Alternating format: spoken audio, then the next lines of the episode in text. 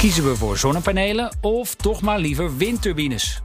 In de meeste energieregio's neigen ze naar die laatste optie. Zo blijkt uit de conceptplannen die dit najaar zijn gepresenteerd. Mijn naam is John van Schagen en dit is een podcast van Impuls.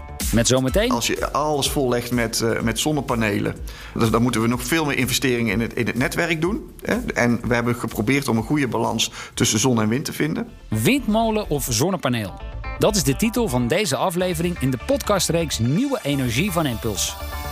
We zoomen in op de voorlopige keuzes die in de 30 energieregio's worden gemaakt. En vragen ons daarbij af hoe het zit met de business case en de maatschappelijke effecten. Want het aardige is, er is nu een nieuw rapport dat dit allemaal overzichtelijk op een rijtje zet. Mijn gasten zijn Alexander Savelkoel, transitiemanager bij Impuls, en Christel Lammers. Zij is directeur van het Nationaal Programma RES. En zij legt om te beginnen uit wat zij precies doen. Onze rol als Nationaal Programma RES is aan de ene kant de 30 regio's te ondersteunen bij het maken van de RES door de regio zelf. En dan kun je denken aan kennisproducten op het energiesysteem, waar Alexander ook heel veel van weet, maar ook op ruimte en op participatie. Uh, en tegelijkertijd ook de verbinding te faciliteren tussen die 30 regio's. Want we zijn bezig met een nationale doelstelling waar die 30 regio's een bijdrage aan leveren.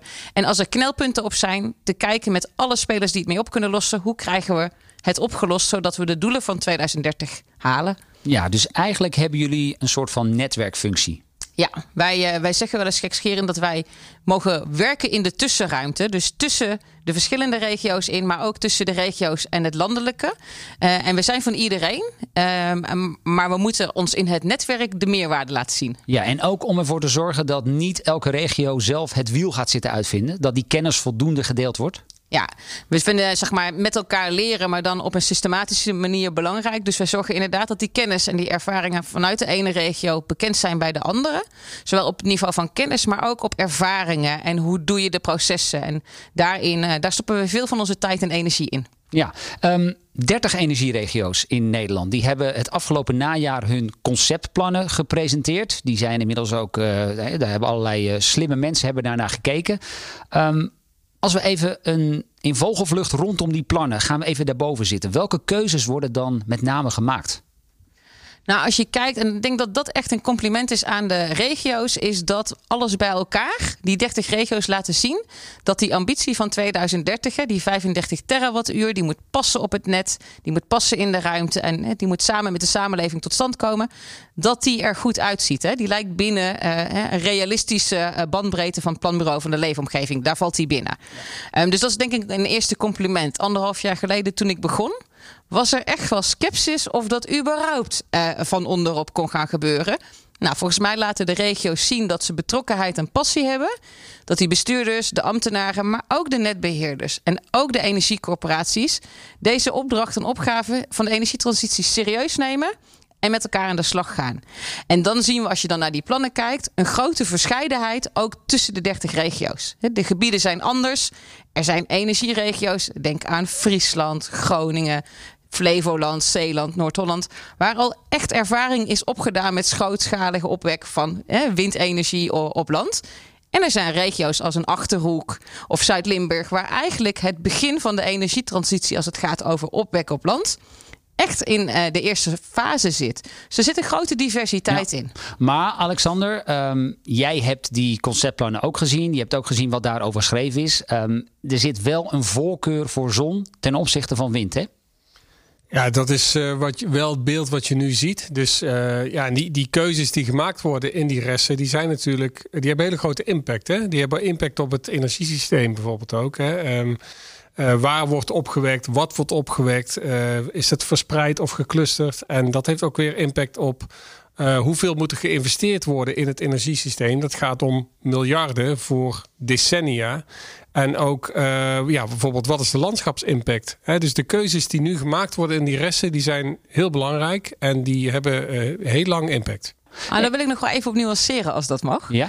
Uh, want dit is wel een beeld wat er, er zeker ook is. Hè? Dat er nu keuzes gemaakt worden die heel lang staan. De conceptres daar is nog niks in gekozen. Hè. Dat zijn de eerste ideeën vanuit hè, de regio waarin uh, zon en wind zou kunnen komen. Dat heet al zoekgebieden. Maar dat zijn de plekken waar gezocht wordt naar uh, zon en uh, wind. En dat zal uiteindelijk leiden tot locaties, tot projecten, tot realisatie. Ja, je zegt het alsof het dat nog wel in de komende jaren kan gaan schuiven. Dat is precies wat ik probeer te zeggen. Um, want we zijn op weg naar 2030.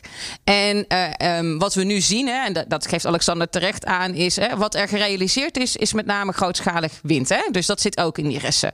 Op het ambitiedeel uh, is het dominant uh, zon op, op dak en ook op landbouwgrond.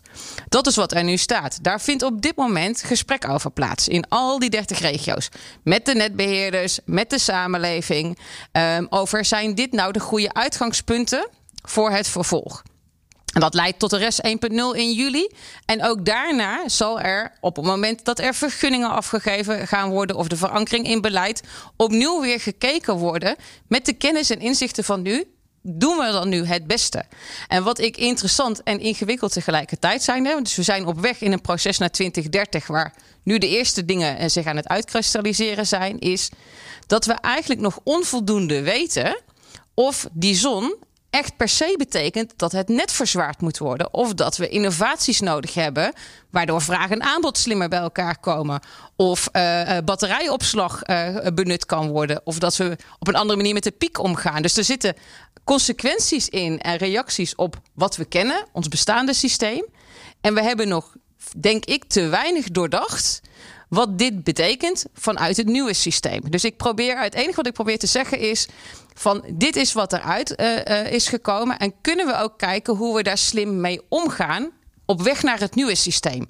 En dan is netverzwaring één van de opties, maar volgens mij niet de enige waar je naar zou moeten willen kijken. Nee, tegelijkertijd, Alexander, je ziet wel daar waar die conceptplannen worden gepresenteerd. Uh, en er bijvoorbeeld in een bepaald gebied windmolens gaan komen, daar zie je meteen al mensen op de barricade staan. Mensen willen gewoon liever niet een windturbine in hun achtertuin. En ook vaak geen landbouwgrond opofferen voor zonneweiden. Dat hoor je steeds vaker. Ver, verrast je dat? Nee, dat is op zich natuurlijk logisch. Hè? En uh, je hoort natuurlijk ook vooral de mensen die het er niet mee eens zijn. Die heel veel hè? Die zijn heel erg uh, vocaal, om het zo maar te zeggen. Maar dat is op zich logisch. Hè? Uh, windturbines en ook zonneparken hebben impact op hun omgeving.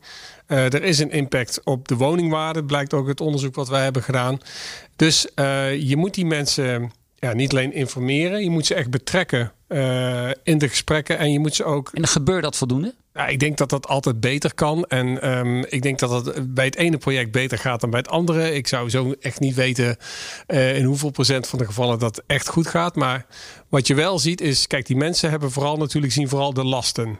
Dus je zou ze moeten be betrekken bij de besluitvorming. Maar ook waarom laten we die mensen niet gewoon standaard meedelen in de lusten. Hè? Dus laat ze financieel participeren of uh, maak een buurtfonds, waardoor ook die inkomsten, en die zijn niet gering van dat soort projecten, ook voor een deel terugvloeien in de lokale gemeenschap. Ja, je noemde net al dat onderzoek, daar gaan we zo nog wat uitgebreider op inzoomen. Maar eerst even Christel, die 30 energieregio's die hebben ook aangegeven tegen welke knelpunten ze aanlopen. En daar zijn werkgroepen voor ingericht. Um, eerst even die knelpunten, welke zijn dat? Hij is een top 7 van knelpunten uit de conceptressen. De voorlopige versies afgelopen zomer uh, gekomen. En we zijn eigenlijk met vier uh, aan de slag gegaan. Met een onafhankelijke voorzitter en onafhankelijke werkgroep. Waarin gekeken is naar kunnen we tot oplossingen komen. En dan hebben we het over netcapaciteit. SDE en maatschappelijke kosten. Dus de betaalbaarheid van, van de, dit deel van de energietransitie. Energie in natuur en landschap. En zon op dak. En uh, 1 februari hebben de voorzitters van deze werkgroepen de adviezen naar buiten gebracht en met de aanbevelingen. En er wordt op dit moment druk gewerkt hè, door de netbeheerders, maar ook hè, door de marktpartijen, door de departementen, de koepels en NPRS. Om die aanbevelingen ook op te kunnen gaan volgen en te ja, bespreken en bekijken wat is daarvoor nodig. Ja, dus ook weer, daar zie je dat heel veel verschillende partijen dus ja, eigenlijk die handschoenen oppakken en dus met elkaar samenwerken. Onder regie ook van jullie. Althans, het is jullie taak om daar verder uh, uh, om dat een slinger te geven. Um, Alexander, het is natuurlijk wel belangrijk dat die keuzes voor duurzame energie worden gemaakt ja, op basis van de juiste argumenten. En jullie hebben gezegd als Impuls, wij moeten die energieregio's eigenlijk helpen aan de juiste informatie. Ja, we hebben eigenlijk uh, gedacht van oké, er is bijvoorbeeld een zonneladder, maar kunnen we die nou eens cijfermatig onderbouwen? Uh, er is Misschien heel even veel... uitleggen die zonneladder, want niet iedereen ja, zou weten wat dat is. zonneladder is een soort van beleidsinstrument waarbij gezegd wordt van nou, zon op dak heeft de voorkeur boven zon op landbouwgrond en dat heeft weer de voorkeur boven zon in natuurgebied. Nou, kunnen we dat nou eens cijfermatig onderbouwen? bijvoorbeeld, er is heel veel weerstand tegen wind, werd net al gezegd. Eh, maar wat zijn eigenlijk die maatschappelijke kosten en baten? Dus wat hebben wij gedaan? We hebben geprobeerd om al de effecten die windenergie en zonne-energie opwekking met zich meebrengen. Uh, te kwantificeren. Op land? Uh, op land, inderdaad. Wind op zee hebben we niet naar gekeken. En uh, daarmee hebben we dus ja, de maatschappelijke waarde van allerlei varianten binnen zonne- en windenergie hebben we kunnen vaststellen, bepalen. En het rekenmodel dat we hebben ontwikkeld, dat leent zich ook heel goed om uh, ja, bestaande of voorgenomen projecten door te rekenen. Dus uh, dat gaan we ook publiceren.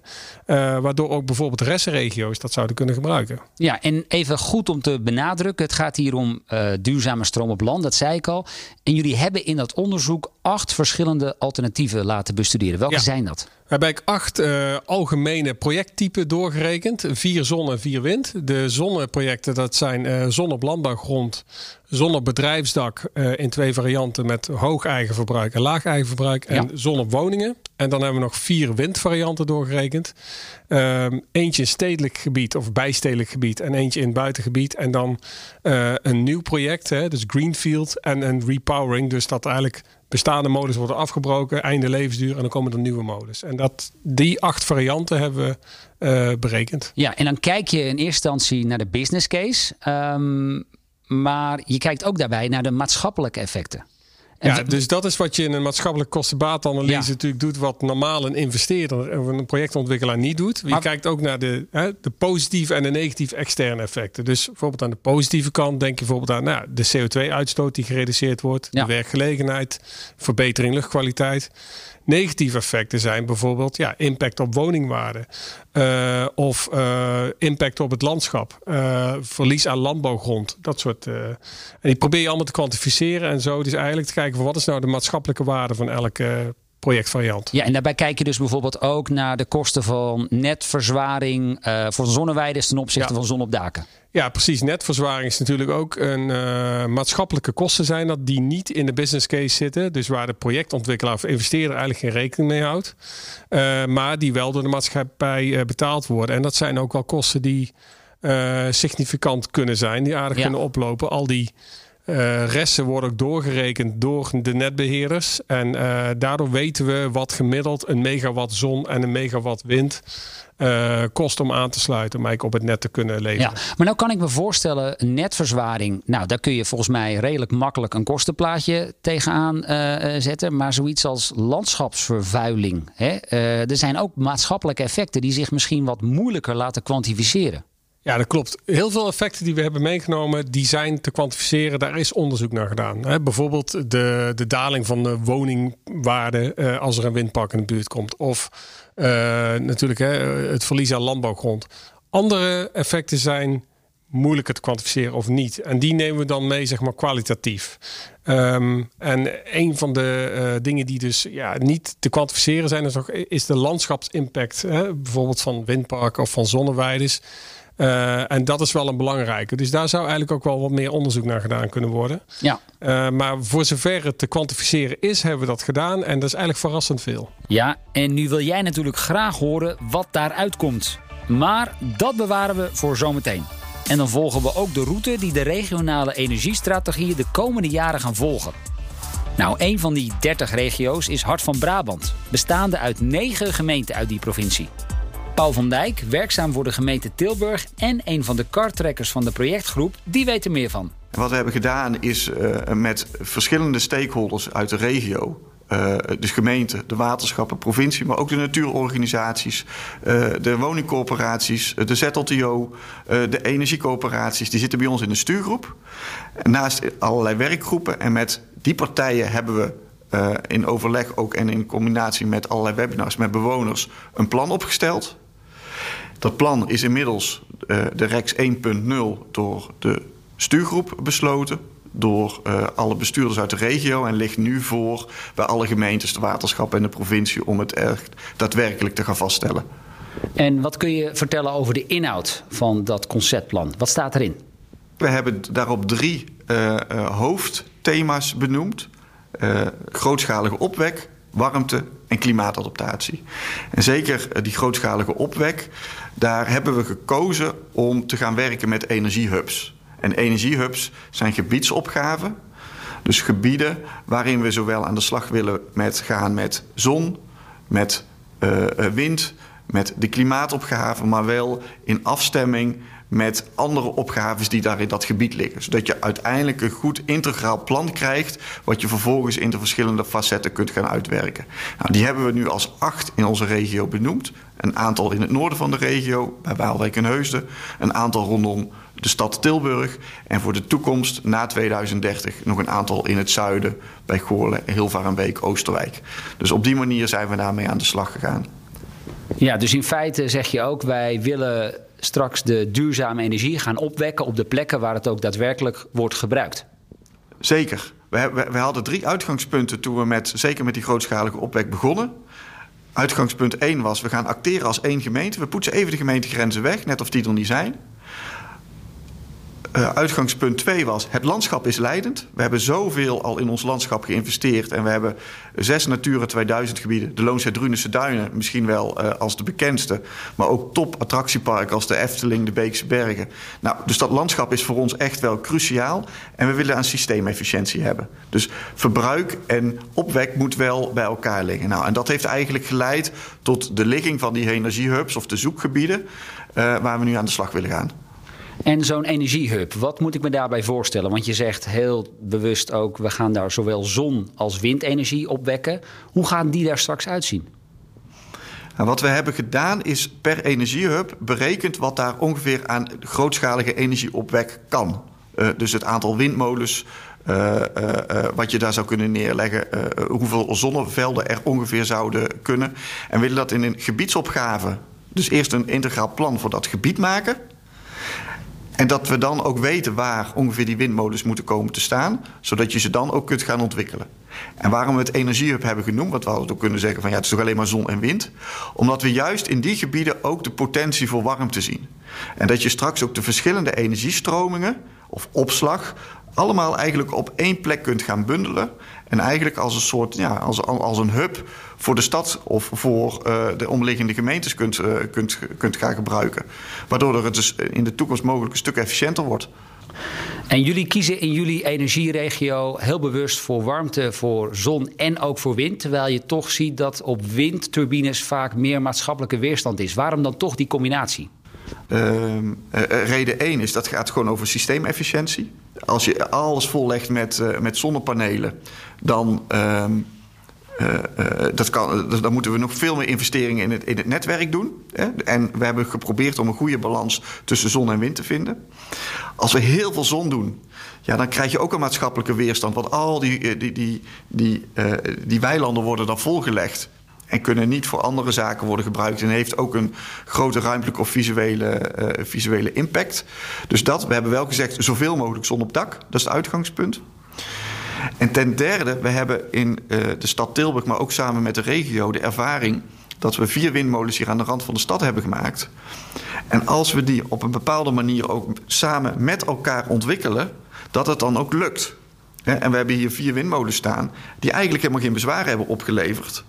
Sterker nog, waar eigenlijk uh, uh, toen we de, de aandelen de verkoop indeden, waren ze binnen, uh, binnen een paar weken midden in de zomervakantie volledig uitverkocht.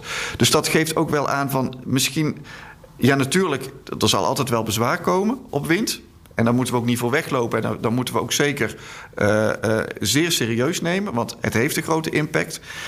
Maar we moeten ook een heel goed proces met elkaar gaan voeren. En heel goed naar elkaar luisteren en niet alles er doorheen duwen.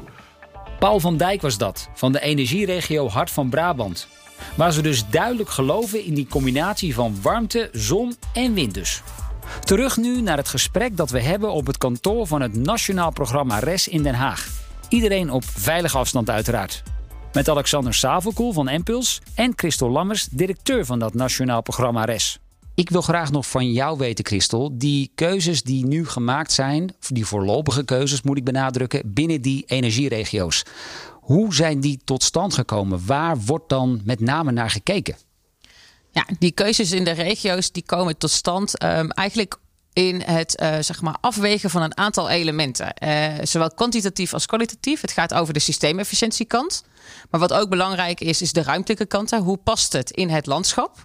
Um, en uh, in relatie tot uh, natuurwaarde, uh, economie, bedrijven, treinen, woningbouw. Hè? Want we willen heel veel in de schaarse ruimte in ons land.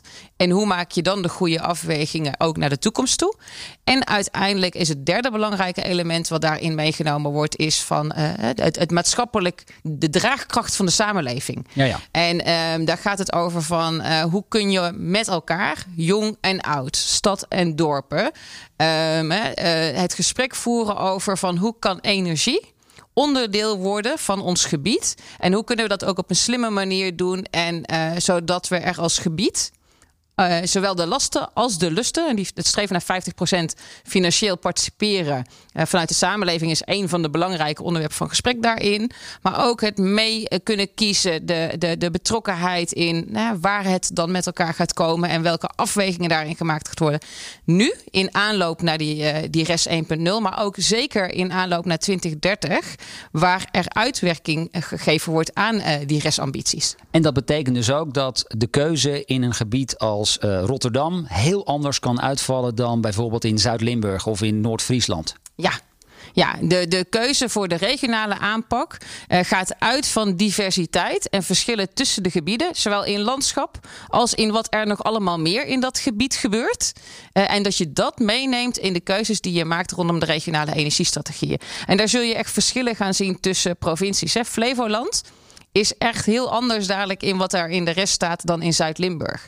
Maar wat ik wel mooi vind achter deze energietransitieaanpak, is dat iedere regio kijkt naar wat hij bij kan dragen aan de energietransitie. En hoe de, de lasten en de lusten, zowel voor het landschap als voor het net, als voor de samenleving, op een goede manier in balans weet te brengen. Dus het is niet Limburg met de steenkoolmijnen, het is niet Groningen met het aardgas, maar het is wij allemaal dragen bij aan deze volgende stap in deze energietransitie. Want even voor de goede orde, um, je kunt als regio niet zeggen onze buren kunnen het wel oplossen. Hè? Je zult echt zelf die oplossing moeten vinden voor dat energievraagstuk. Alle 30 regio's staan samen aan de lat om die 35 terawattuur uh, uh, op te wekken op, uh, op land. En iedereen draagt bij naar vermogen. Niet doen of niks doen is geen optie. Is nee, geen onderdeel van het proces wat we met elkaar hebben afgesproken. En ik zie eigenlijk ook, als je kijkt naar de beleidsambities van gemeente, provincie en waterschappen al voor de rest. Dat er ontzettend veel passie en betrokkenheid zit om die aarde schoner te maken met elkaar. Uh, en daar met elkaar te kijken. En hoe kan ik daar in mijn gebied aan bijdragen? Alexander, we waren net gebleven bij jullie onderzoek. Um, acht alternatieven zijn er naast elkaar gelegd. Dat vertelde je juist al. Jullie hebben daarbij gekeken naar verschillende effecten. Um, ja, de grote vraag is natuurlijk, wat komt daar naar voren? Ja, er zijn een aantal. Er, zit sowieso een gat aan kennis in dat onderzoek. Um, maar er denk, een aantal hoofdconclusies te trekken. Um, voor alle acht projecttypen kun je zeggen dat op dit moment de business case negatief is en de maatschappelijke waarde positief. Ja. Dat is een hele belangrijke conclusie. Business case zeggen, negatief is ja. eigenlijk zonder subsidie niet rendabel. Gaat niemand het doen. Nee. En, met, uh, en de subsidie zijn gerechtvaardigd, want er is een positieve maatschappelijke waarde. Nou, dat is een belangrijke conclusie. Een andere die heel duidelijk naar voren komt, is dat de maatschappelijke waarde van de windenergievarianten is ook echt wel duidelijk hoger dan de zonne-energievarianten. En hoe komt dat? dat? Nou, de belangrijkste reden is dat een megawatt wind levert gewoon drie keer zoveel, drie tot vier keer zoveel energie op dan een megawatt zon. En um, dat is een belangrijk voordeel wat wind heeft. Waarbij ik niet zeg van we moeten alleen maar windparken neerzetten in Nederland. Maar het is wel toch wel redelijk uh, stevig aangetoond met dit onderzoek. Waarbij ook wel een een, een kanttekening op zijn plek is dat we dus die landschapsimpact nog niet gekwantificeerd uh, hebben. Dat het nog niet mogelijk was. Um, een andere is, ik had het al over die zonneladder. Nou, is zon op dak nou maatschappelijk echt beter dan zon op landbouwgrond? Dat hebben we ook al aangetoond. Toon. Dus die maatschappelijke waarde van die zon op bedrijfsdak uh, nu en in 2030 ook zon op woningen is echt wel hoger dan op landbouwgrond. Um, En een andere uh, interessante uitkomst is dat uh, projecten die vertraagd worden, bijvoorbeeld doordat er maatschappelijke weerstand is of doordat netverzwaringen veel tijd kosten, die uh, dalen ook in maatschappelijke waarde. En dat komt met name omdat een ton CO2-reductie nu is meer waard, maatschappelijk gezien, dan een ton CO2-reductie over vijf of tien jaar. En hoe komt dat? Dat heeft eigenlijk te maken met het feit dat je, uh, nou, aan de ene kant heb je natuurlijk uh, uh, de tijdswaarde. Hè, we verdisconteren alles in deze studie. dus wat in de toekomst ligt, is minder waard. Ehm, en ja, dat heeft ook allemaal te, te, maken met het feit dat de energiemix steeds schoner wordt, natuurlijk. Hè. Dus elke additionele ton CO2-reductie is net ietsje minder waard. Ja. Dus wat je nu doet, is eigenlijk gewoon waardevoller. En nu is het heel interessant om te kijken naar hoe de situatie op dit moment is. Maar misschien nog interessanter om te kijken hoe dat zich verhoudt over een jaar of tien. En daar hebben jullie ook naar gekeken. Ja, en dan wordt het natuurlijk wel interessant. Want over een jaar of tien, dan uh, verwachten wij dat er geen SDE-subsidies meer zijn voor zonne-wind. Dus dan moeten die projecten zichzelf bedruipen. Ja, dus ik die kijk moeten... even naar Christel. Dat, is, dat verwachten we wel, hè? Ik ja. denk dat dat een realistische verwachting is. Ja, Oké, okay. En dan wordt het interessant, want wat je dus krijgt is aan de ene kant de subsidie valt weg, dus eigenlijk het vangnet is weg. Aan de andere kant is de, de, zeg maar, de penetratie van zon en wind in, in de energiemix wordt steeds groter. Dus je gaat ook, en dat blijkt ook bijvoorbeeld uit de klimaat- en energieverkenning die uh, uh, recent gepubliceerd is, dat de elektriciteitsprijs tijdens bijvoorbeeld zonuren gaat flink onderuit. En je zult dus, uh, ja, je hebt innovatie nodig, je hebt nieuwe uh, ja, ideeën nodig, omdat je anders uh, met je zonnepark aan het produceren bent. Op momenten dat er eigenlijk gewoon niks te verdienen valt. Nee. He? Dus als er straks 10, 20 gigawatt aan zonne-energie in Nederland aan produceren is, dan is er gewoon geen goede elektriciteitsprijs meer. Dus je zult moeten gaan opslaan, je zult vraag en opwek goed moeten gaan combineren. Je moet gaan opwekken waar de vraag is. Of je moet de vraag naar de opwek brengen, maar ook in tijd. Hè? Dus je zult bijvoorbeeld ook moeten kijken naar uitgestelde levering. Hoe, ik, hoe kan ik nou zorgen dat een deel van de zonne-energie die smiddags wordt opgewekt, s'avonds op het net komt? En daar zijn nu eigenlijk onvoldoende prikkels voor. Dat is nu eigenlijk iets waar, waar we nu over na moeten denken en nu de prikkels voor moeten introduceren zodat het gaat gebeuren. Ik denk dat dat waar is. Hè? Dat we, um, en dat is ook wat ik bedoelde met hè, toewerken naar dat nieuwe energiesysteem en daar de prikkels goed op zetten. Dat dat de grote uitdaging uh, is waar we voor staan. Hè? Uh, we zeiden net in het voorgesprek al, we hebben geen sneller paard nodig als je de parallel trekt met het beginnen van de auto. Maar we hebben een auto nodig. En dat ziet er echt anders uit en dat functioneert ook echt anders. En ik denk dat innovatie en de kracht van innovatie juist in die energietransitie. En dat gaat verder dan alleen technologie. Hè? Dat is ook innovatie in het economische model, in het ethische model, in het sociale. Hè? Uh, enorm uh, de opgave is voor de komende jaren. En want als je erdoor, als je doordenkt hè, wat die energietransitie met zich mee gaat brengen, is de zon schijnt altijd, dus we moeten hem slim benutten. Maar hij is er altijd, ergens op de wereld. Dus volgens mij is creativiteit en innovatie iets wat we uh, ons gaat brengen. En dan denken we ook in overvloed in plaats van in de schaarste, waar we van nu uit gedenkt, uh, ja, vooral redeneren. En tegelijkertijd zegt Alexander, ja, je ziet op dit moment dat er te weinig prikkels zijn om, uh, nou, laten we zeggen, de juiste keuzes te maken.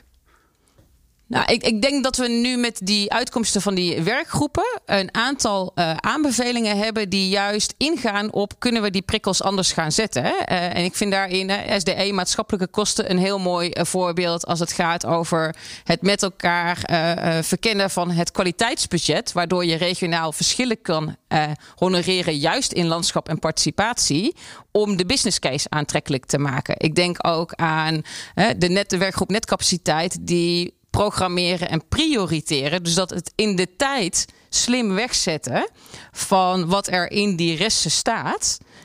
Tussen netbeheerders, energie, producenten en overheden.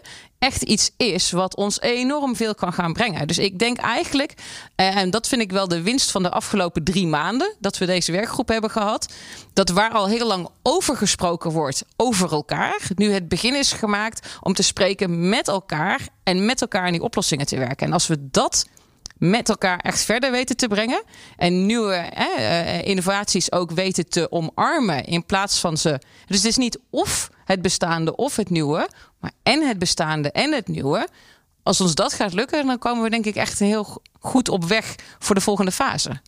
Alexander, ook nog even inzoomen op dat uh, grafiekje in die rapportage, in die analyse van 2030. Daarin zie je onder meer ook dat met name de business case en de maatschappelijke effecten voor zon op dak, uh, die, die gieren omhoog.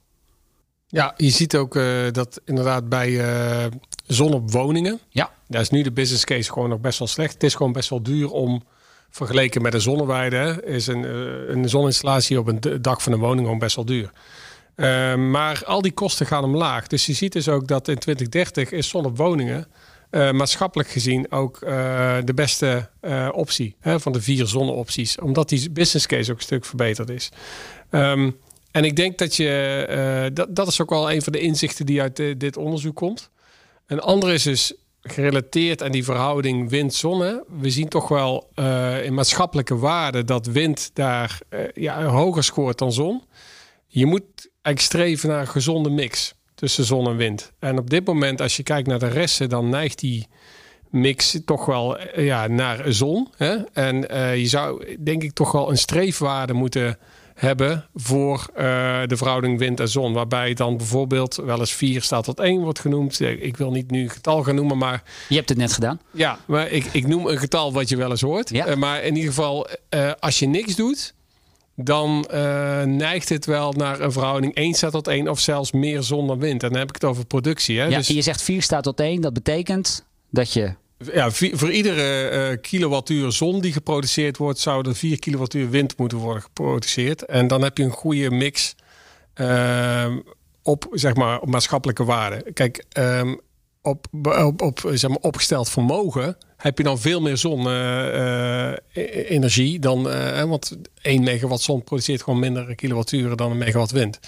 Maar daar zouden we eigenlijk wel naartoe moeten gaan. Um, en ik denk dat je eh, wat betreft die prioritering en fasering, daar ben ik het ook al mee eens. Ik las ook die aanbeveling in uh, de rapporten van het NPRS en dat lijkt me een hele goede. Dus wat dat betreft zou je veel meer moeten kijken naar de maatschappelijke waarde van projecten en kijken hoe kun je die maatschappelijke waarde vergroten en uh, op basis daarvan prioriteren. En um, dat gebeurt nu eigenlijk nog te weinig. Hè? Als je bijvoorbeeld kijkt naar de SDE, dat is toch wie het eerst komt die het eerst maalt, hè? of wie het laagste biedt. En uh, hetzelfde geldt voor aansluitingen op het net. Hè? Daar mogen netbeheerders ook niet prioriteren. Um, en dat is eigenlijk wel jammer, want um, er zijn best wel grote verschillen tussen individuele projecten en die. Uh, ja, je, hebt, je hebt nu eigenlijk geen prikkel voor die projecten om nee. die maatschappelijke waarde te maximaliseren. Maar dan even in, laten we zeggen, pak een beetje drie zinnen. De belangrijkste conclusie van de analyse die jullie hebben laten uitvoeren is. Um, streef naar een gezonde mix tussen wind en zon. Wind heeft gewoon een wat hogere maatschappelijke waarde. Uh, prioriteer projecten met de hoogste maatschappelijke waarde. En kijk hoe je zon uh, beter kunt matchen met de vraag. En beter kunt spreiden over de dag en over het land. Nou, Christel, ik kijk even naar jou, want jij schijnt nog wel eens wat contact te hebben met de verschillende energieregio's. Is het even dat eerste wat hij zegt, uh, wind versus zon? Uh, we stelden net al vast dat nou, zon heeft dan nu even nou, toch een soort van lichte voorkeur. Uh, wordt er wel voldoende rekening gehouden met ook de voordelen van windenergie op land? Ik, ik denk steeds meer. Hè. Um, wat het goede is, denk ik, geweest ook van de actie van de netbeheerders. Hè, de, eerste helft vorig jaar. Is dat de net het bewustzijn bij hè, de, de bestuurders en ambtenaren uh, in de regio. over die verhouding zon en wind. en de impact daarvan ook op de betaalbaarheid uiteindelijk van de energietransitie. dus de maatschappelijke baten, um, zowel in lasten en in lusten. Um, veel beter op een netvlies heeft uh, uh, gebracht. En ik zie ook in de regio's in aanloop naar uh, de RES 1.0 dat dat geluid goed gehoord is en dat ze echt hun best aan het doen zijn om dat op een goede manier in te passen. En er zit ook verschil in tussen de regio's. Uh, maar ik, ik denk dat daar echt wel beweging in zit. En dat die beweging ook na 1 juli van dit jaar um, uh, door zal zetten. En um, die verhoudingen, die getallen die, die jij noemt, die herkennen we ook. En ik ben wel nieuwsgierig naar de toekomst toe, wat daar dan het ideale getal in gaat zijn. Maar dat er balans moet zijn tussen vraag en aanbod. Hè, tussen de afnemers en de gebruik, de, de, de leveraars. En tussen wind en zon. Volgens mij is daar iedereen het over eens. En, en zijn we vooral zoekend. Hoe doen we dat in, uh, op weg naar, uh, naar het nieuwe? Um, ten aanzien van, van zon op dak zie ik ook wel Als je kijkt naar de, uh, de, aanbevelingen, de gedoefactor in het rapport, daar moeten we echt met elkaar naar kijken. En we moeten um, gewoon slimme prikkels in gaan bouwen om dit te stimuleren. Nou, dat hoor ik jou ook zeggen. Dan zie ik ook kansen. We gaan ontzettend veel nieuwe woningen moeten bouwen de komende jaren. Um, uh, uh, als je kijkt hè, naar de ambities ja, in, in, de verkiezingen. Ik, ja. ja. Als je nou eens gaat nadenken, niet over dat het rendabel moet zijn voor degene die daar woont, maar dat we naar energieleverende wijken toe gaan. En dat je daar dan ook misschien nog wel bedrijven in de buurt van die woonwijken slim zou kunnen zetten, waardoor je vraag en aanbod gaat combineren. Dus door de opgaves heen gaat kijken, dan bieden zich waarschijnlijk ook nieuwe mogelijkheden aan die je los als je alleen naar de woningen kijkt en alleen naar de energietransitie niet ziet. Dus ik hoop eigenlijk, en ik denk dat daar de schaal van de regio ook een mooie schaal in is, dat dat gesprek ook steeds meer gevoerd gaat worden. Dus hoe kun je nu slim de uitdagingen waar we als land voor staan, koppelen. Ja. En uh, dus ik, ik denk dat daar echt nog wel nieuwe kansen zich op gaan aandienen. ja, 1 juli, belangrijke datum. Uh, dan liggen de plannen daar. Uh, wat gaat daarna gebeuren? Even heel kort. Dan gaan die plannen ook uitgevoerd uh, moeten worden. En ja. dat betekent inderdaad hè, bijvoorbeeld dat programmeren. Ja, dat gesprek tussen ontwikkelaars en netbeheerders en overheden zal echt professioneel op gang moeten gaan komen. De ambities zullen naar alle beleidsdocumenten van gemeenten, provincies en waterschappen vertaald moeten worden. Dus dat betekent in de omgevingswet documenten opnemen, de vergunningsprocedures op gaan starten, waar het al zo ver in is. Dus dat vraagt ook nog veel werk aan die kant. Het gesprek met de samenleving hè, um, uh, zal, denk ik, um, misschien nog wel meer aandacht gaan vragen dan nu. Hè? Want nu zijn het nog over het algemeen wat abstracte verhalen over waar het zou kunnen. Dan wordt er gekozen waar dingen precies gaan komen. En ook dat vraagt een permanente dialoog um, met inwoners in het gebied. Hè? Vooral de inwoners, als je in de buurt van windmolens komt te wonen of zonneparken, die het betreft. En hoe laat je ze mee kiezen? En profiteren van wat daar gaat gebeuren. Um, dus daar vraagt nog heel veel uitvoeringscapaciteit. En na twee jaar gaan we kijken waar we staan. En vindt er ook een herijking plaats. Hè? Van met nieuwe inzichten uit die uitvoering. Met de nieuwe inzichten vanuit hè, de innovaties. Wat is dan wijsheid voor die periode van twee jaar daarna? Dus het grootste werk en de meeste inspanning komt nog. Heel goed. Dan lijkt mij voor jullie, eh, Alexander, het van uh, essentieel belang dat die maatschappelijke kosten- en batenanalyse die nu is opgesteld, dat die zo snel mogelijk bij die 30 energieregio's terechtkomt.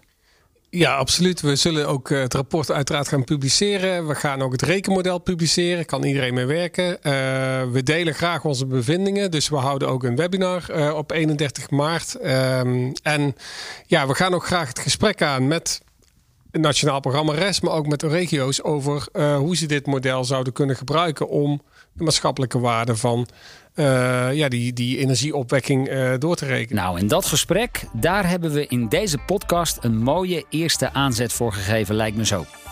Alexander Savelkoel was dat, transitiemanager bij Impuls. En wij waren deze keer te gast bij Christel Lammers, directeur van het Nationaal Programma RES. Je luisterde naar Windmolen of Zonnepaneel. En kijk voor de maatschappelijke kosten- en batenanalyse en de rekentool op mpuls.nl. Dank voor het luisteren en tot snel weer. Dit was een podcast uit de podcastreeks Nieuwe Energie van Enpuls. Enpuls is een jonge, onafhankelijke organisatie van visiemakers, businessdenkers en conceptontwikkelaars.